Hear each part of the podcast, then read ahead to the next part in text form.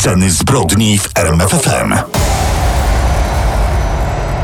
Wiem, że tęskniliście, ale powracamy. No właśnie, podcast Sceny Zbrodni w RMFFM numer 6. Dzisiaj będzie sporo tego. Szeleszczenia. Wszystko, co łączy dzisiejsze sprawy, to miłość, a dokładnie morderstwa z miłości. O to prosiliście, żebyśmy y, przyjrzeli się sprawom z ostatnich tygodni tak naprawdę. Nie zdradzajmy, Dobra. koniecznie zostańcie z nami. To naprawdę bardzo mocny materiał. Daniel Dyk i Kamil Barnowski prezentują Sceny zbrodni w RMFFM.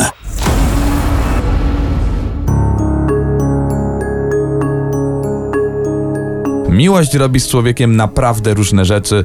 Można przez nią na chwilę stracić głowę, a czasem można ją stracić na zawsze. Temat miłości się pojawi, tyle że w kontekście morderstw Temat, o który mocno prosiliście, dlatego, dlatego go bierzemy na tapetę. Może nie dosłownie, bo wasze sugestie dotyczyły tych najgłośniejszych ostatnio spraw, o których pisały gazety. Przede wszystkim sprawa tulipana z koło brzegu, tutaj było najwięcej próśb. Tak, ale były też prośby o przyjrzenie się sprawie tego Napoleona z Petersburga i przy Też okazji... głośna sprawa. Tak, zbadaliśmy ją w naszych aktach.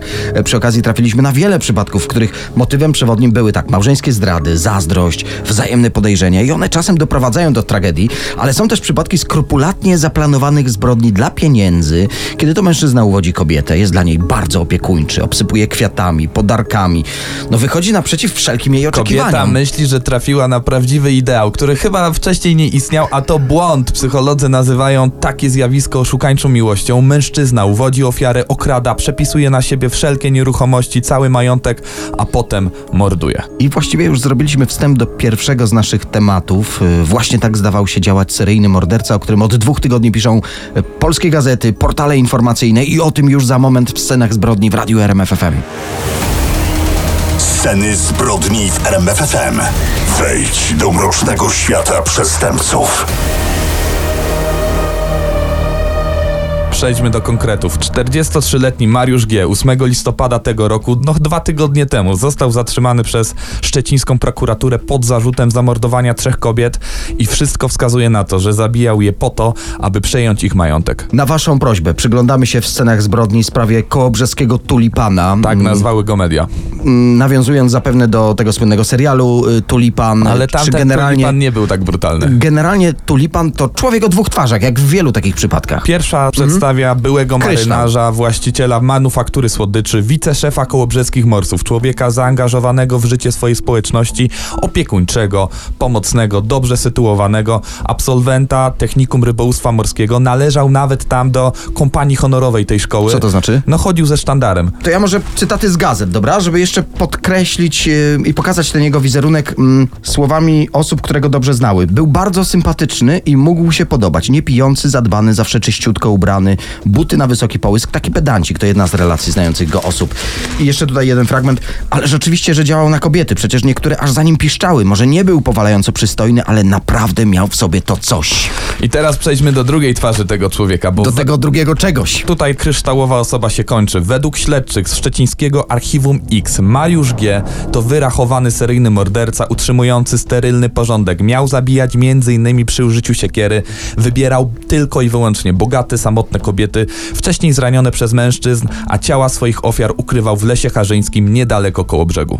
Skoro wspomniałeś o ofiarach, y, mówimy tutaj najprawdopodobniej o trzech. O 34-latce z Podchełmna, o 37-latce z Kołobrzegu i także 54-letniej kobiecie również z Kołobrzegu. Ale ofiar może być więcej. No tak, ty- Mariusz ty się G. dokładniej może być tej sprawie. zamieszany w zaginięcie 46-letniej kobiety w 2014 roku. Ale tu mówimy z dużym y, pytajnikiem, prawda? Tak. Ta sprawa jest rozwojowa, jak to mówią policjanci w toku. Już za chwilę przedstawimy Wam najnowsze ustalenia policji w sprawie tulipana z Kołobrzegu, bo każdy dzień przynosi nowe fakty w tej sprawie.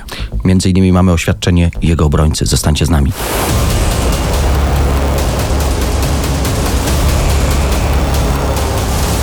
Ciąg dalszy za chwilę.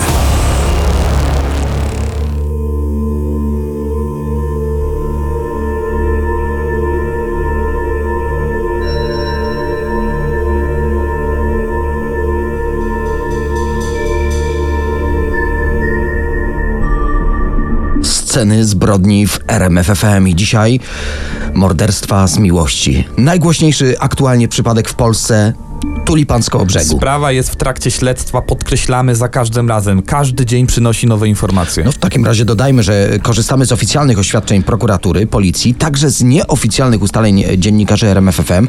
Cytujemy również wyniki dziennikarskiego śledztwa, o którym pisze m.in. Głos Koszaliński, ale też ze względu na ból, na straty rodzin i bliskich zaginionych kobiet. Przecież to dla nich też yy, świeże rozdrapywanie spraw.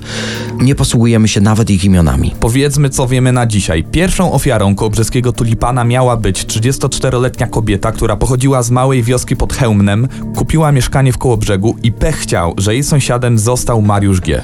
23 stycznia 2016 roku. Wtedy nad ranem e, w jej mieszkaniu wybuchł pożar, ale udało się jej z niego uciec. Jednak ślad po niej zaginął na początku tego właśnie 2016 roku, a w jej mieszkaniu zamieszkał wówczas Mariusz G. Prawdopodobnie też zaciągnął na nią ponad 100 tysięcy złotych kredytu. Przejdźmy do drugiej prawdopodobnej ofiary Mariusza G., która zaginęła 10 października 2018 roku. W dniu, kiedy rodzina straciła z nią kontakt, była widziana z kołobrzeskim tulipanem. To się udało ustalić.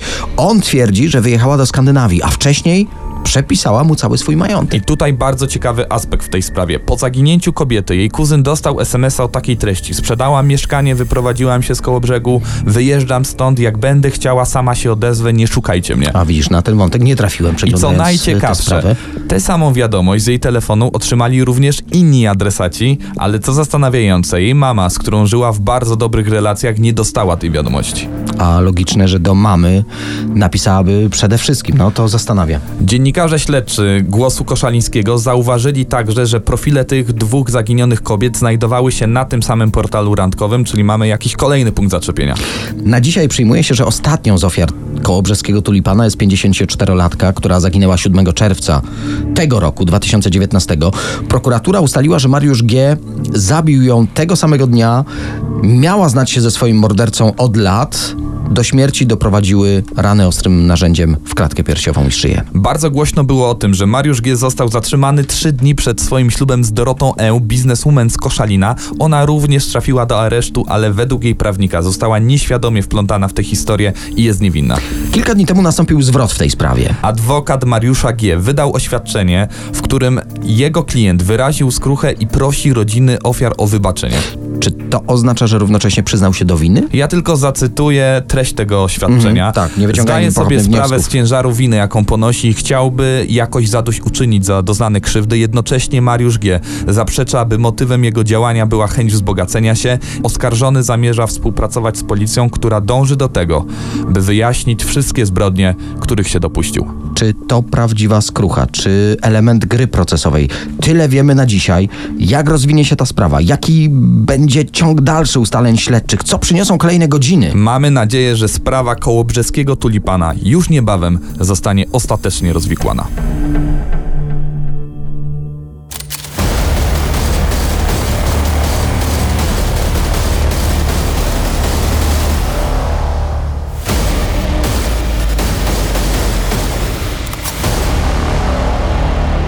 Sceny zbrodni w RMFFM, morderstwa z namiętności, zupełnie świeże przypadki z ostatnich dosłownie tygodni.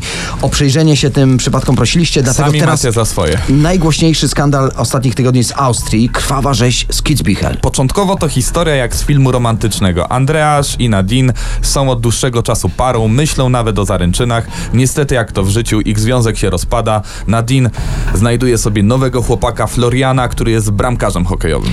Dwa miesiące po rozstaniu niedoszli narzeczeni przypadkowo natrafiają na siebie w jednym z lokali w Kitzbühel. Dochodzi między nimi do poważnej kłótni.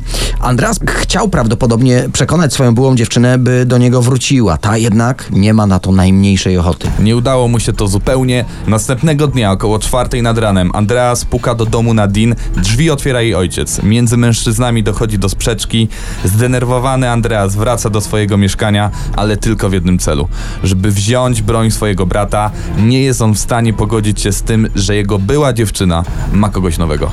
Jest 5.30. Czyli godzina po tych wcześniejszych odwiedzinach. Rozczarowany Andreas wraca do domu Nadine. Drzwi ponownie otwiera jej ojciec, który informuje chłopaka, że nie ma tu czego szukać. Prosi, żeby przestał wreszcie nękać jego I rodzinę. tutaj rozpoczyna się już prawdziwy horror. No po prostu jak w filmie Amityville, o którym rozmawialiśmy w jednym z odcinków. Andreas wyciąga broń, padają pierwsze strzały, starszy mężczyzna umiera na miejscu, następnie Andreas morduje mamę Nadine i jej brata Kevina. Zna doskonale układ tego domu, bo przecież bywał w nim bardzo często. No i na koniec wchodzi przez balkon do pokoju swojej byłej ukochanej. Nadine śpi razem ze swoim nowym partnerem. No i tam padają ostatnie strzały. Po wszystkim Andreas udał się na komisariat policji. Broń, z której zastrzelił pięć osób, położył na biurko oficera dyżurnego i przyznał się do rzezi, której dokonał. Sceny zbrodni w RMFFM.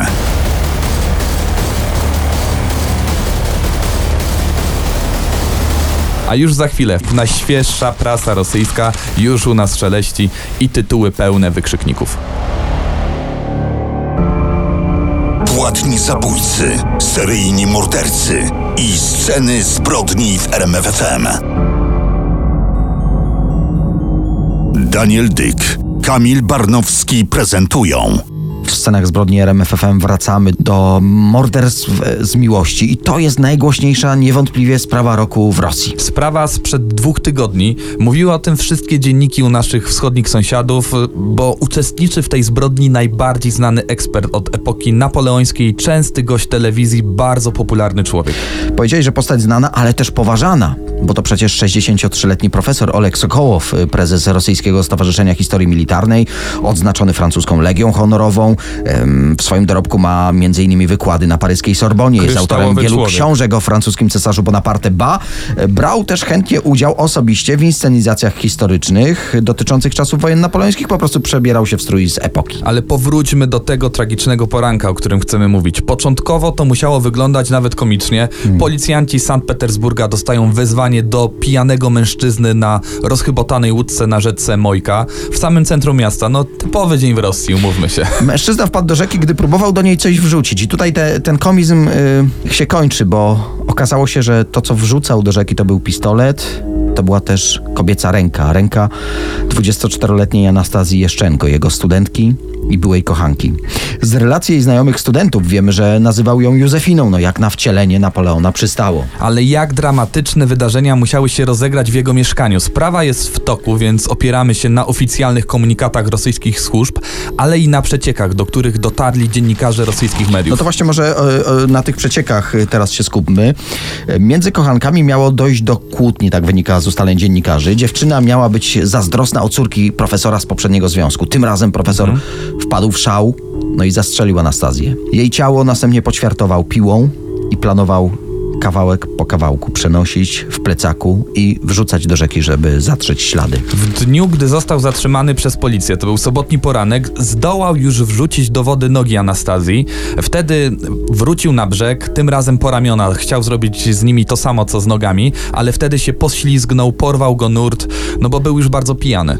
Można powiedzieć, że policja zapobiegła podwójnej tragedii. Bo co, bo mógł się też utopić chłopak, tak? Y, To też, ale po zbyciu się zwłok profesor generalnie planował popełnić y, samobójstwo takie naprawdę spektakularne. Chciał przebrać się w strój ukochanego Napoleona, wejść do twierdzy Piotra i Pawła, to jeden z najbardziej znanych zabytków dawnej stolicy Imperium Rosyjskiego. No i tam chciał ze sobą skończyć. Ale podsumujmy tę historię najnowszymi doniesieniami w tej sprawie. Jak poinformował adwokat profesora, jego klient przyznał się do winy, jest załamany tym, co zrobił i bardzo tego żałuje.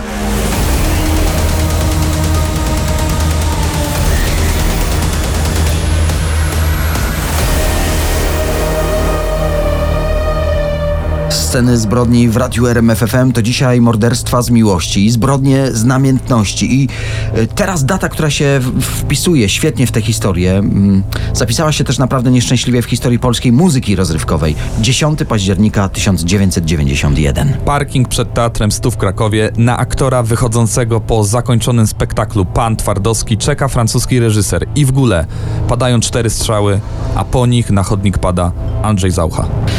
Andrzej Załucha, uwielbiany przez publiczność piosenkarz, jeden z największych celebrytów Nowej Wolnej Polski, także aktor, miał 42 lata. Od dwóch lat jest wdowcem. Niewielki wzrostem, zaledwie 1,59 m, mocno łysiejący, z nadwagą, no nie miał takiego wizerunku hollywoodzkiego amanta, a jednak kochały się w jego głosie i w jego wąsie wszystkie kobiety. Ale kto mógłby się oprzeć temu głosowi? Szczególnie zakochana w nim była aktorka Zuzanna Leśniak. Przyjaźnił się z nią i jej mężem. Małżeństwo z czteroletnim stażem. Często u nich bywał w mieszkaniu, także gdy mąż wyjeżdżał zawodowo. No właśnie, bo w teatrze ich romans nie był tajemnicą. Zuzanna Leśniak traktowała związek bardzo poważnie, no i chciała się rozejść ze swoim mężem, wyjść za mąż za tego piosenkarza. Ale powróćmy do naszej sprawy, bo przed sobą mam policyjną notatkę z tej nocy. Ona bardzo dobrze opisuje obraz, jaki zastali funkcjonariusze, gdy przyjechali na miejsce tej zbrodni. Zacytuję: Wezwano pogotowie, które po przybyciu stwierdziło zgon mężczyzny, a kobieta była w stanie agonalnym. Przeglądaliśmy akta policyjne, no i to zdjęcie robi wrażenie. Ciało Andrzeja Załuchy leży tuż obok jego Mercedesa, numer rejestracyjny widoczny KKS 2800, drzwi otwarte, kluczyki w stacyjce. Naprawdę niewiele brakowało, by odjechali. Obok też wiązanka róż i dziewięć łusek po nabojach. I biała reklamówka, w której zabójca jeszcze przed chwilą ukrywał broń. Sześć dni po tragicznej nocy Andrzej Zaucha został pochowany na cmentarzu batowickim w Krakowie. Prasa odnotowuje jak tragiczną, ale jak piękną była to ceremonia. A co dokładnie doprowadziło do tej tragedii i jak wyglądały ostatnie dni muzyka? O tym za moment w scenach zbrodni w RMFFM. Sceny zbrodni w RMFFM. Ciąg dalszy za chwilę.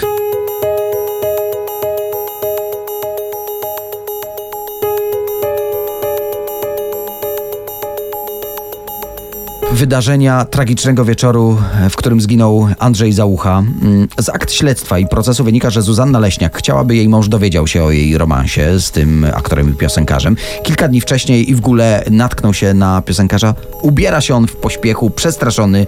Gule zauważa w innym pokoju żona w łóżku. Wpada w szał Andrzej Zaucha, niecałe 160 cm wzrostu, nie ma absolutnie szans w starciu z mierzącym ponad 190 cm mężem swojej kochanki, no i zostaje dotkliwie pobity. Tydzień później Gule wyjeżdża do Francji i tam jak ustalono w trakcie śledztwa kupuje półautomatyczny francuski karabinek małokalibrowy, broń sportowa. Skrócił lufę, skrócił także kolby, aby broń była łatwiejsza do ukrycia. Z nią wraca do Polski. I tutaj obsesyjnie poszukuje kochanka swojej żony, jeździ za nim po całym mieście. Dopiero po trzech dniach udaje mu się trafić na niego przed Teatrem Stu w Krakowie, gdzie Zaucha wychodzi razem z jego żoną i to pieczętuje los tego krwawego trójkąta. Najpierw ginie Andrzej Załucha, trafiony czterema kulami, kaliber 5,6 mm z bliskiej odległości. Gdy pada na ziemię, Francuz zmienia magazynek i strzela do niego jeszcze pięciokrotnie. Piosenkarz umiera na miejscu. Obok Zauchy leży ciężko raniona Zuzanna Leśniak. Według relacji świadków ona próbowała swoim ciałem osłonić piosenkarza, ale mimo pomocy lekarskiej i prób reanimacji umiera w szpitalu. Jej mąż dowiedział się o tym już w czasie przesłuchania, że została przez niego postrzelona prosto w serce, płacze, wpada w spazm. Przekonuje policję, że chciał zabić wyłącznie jej kochanka. Zauważył, że owszem, żona padła na ziemię, ale uznał, że po prostu zemdlała. I w ogóle nie zamierza się ukrywać i sam oddaje się w ręce policji. W ostatnim słowie w sądzie mówi: Popełniłem rzecz straszną i chcę za to ponieść karę. Spowodowałem śmierć żony niechcący. Chcę odpokutować winę i żadna kara nie będzie dla mnie za surowa. Został skazany na 15 lat więzienia. W trakcie wyroku kończy studia filologię polską. Wyszedł na wolność 10 miesięcy wcześniej niż zasądzony wyrok. To wszystko przez dobre sprawowanie. Teraz nadal pracuje w branży filmowej, ale już pod zmienionym nazwiskiem. Z tego co wiemy, sprzedał też tak pechowe dla jego związku mieszkanie, a część pieniędzy miał przekazać jako jakąś formę rekompensaty zapewne córce Załuchy Agnieszce. Po wyjściu na wolność, wracając myślami do, do tej nocy, powiedział w jednym z wywiadów: Byłem słabym człowiekiem, stałem się potworem. Płatni zabójcy, seryjni mordercy i sceny zbrodni w RMFFM. Ale się nam dzisiaj zrobił serial M jak nie miłość, morderstwo. Morderstwo z miłości. Czekamy na Wasze uwagi, bardzo chętnie bierzemy je wszystkie do siebie. Gdybyście mieli jakieś jeszcze sugestie, jakimi sprawami z tych y, najnowszych chcecie, żebyśmy się zajęli, chętnie oczywiście przyjrzymy się takim przypadkom i takie akta też przeanalizujemy. I powracamy za tydzień, ale kto wie, może już teraz jest do odsłuchu kolejny odcinek podcastu Sceny Zbrodni. Daniel Dyk i Kamil Barnowski prezentują Sceny zbrodni w RMFFM.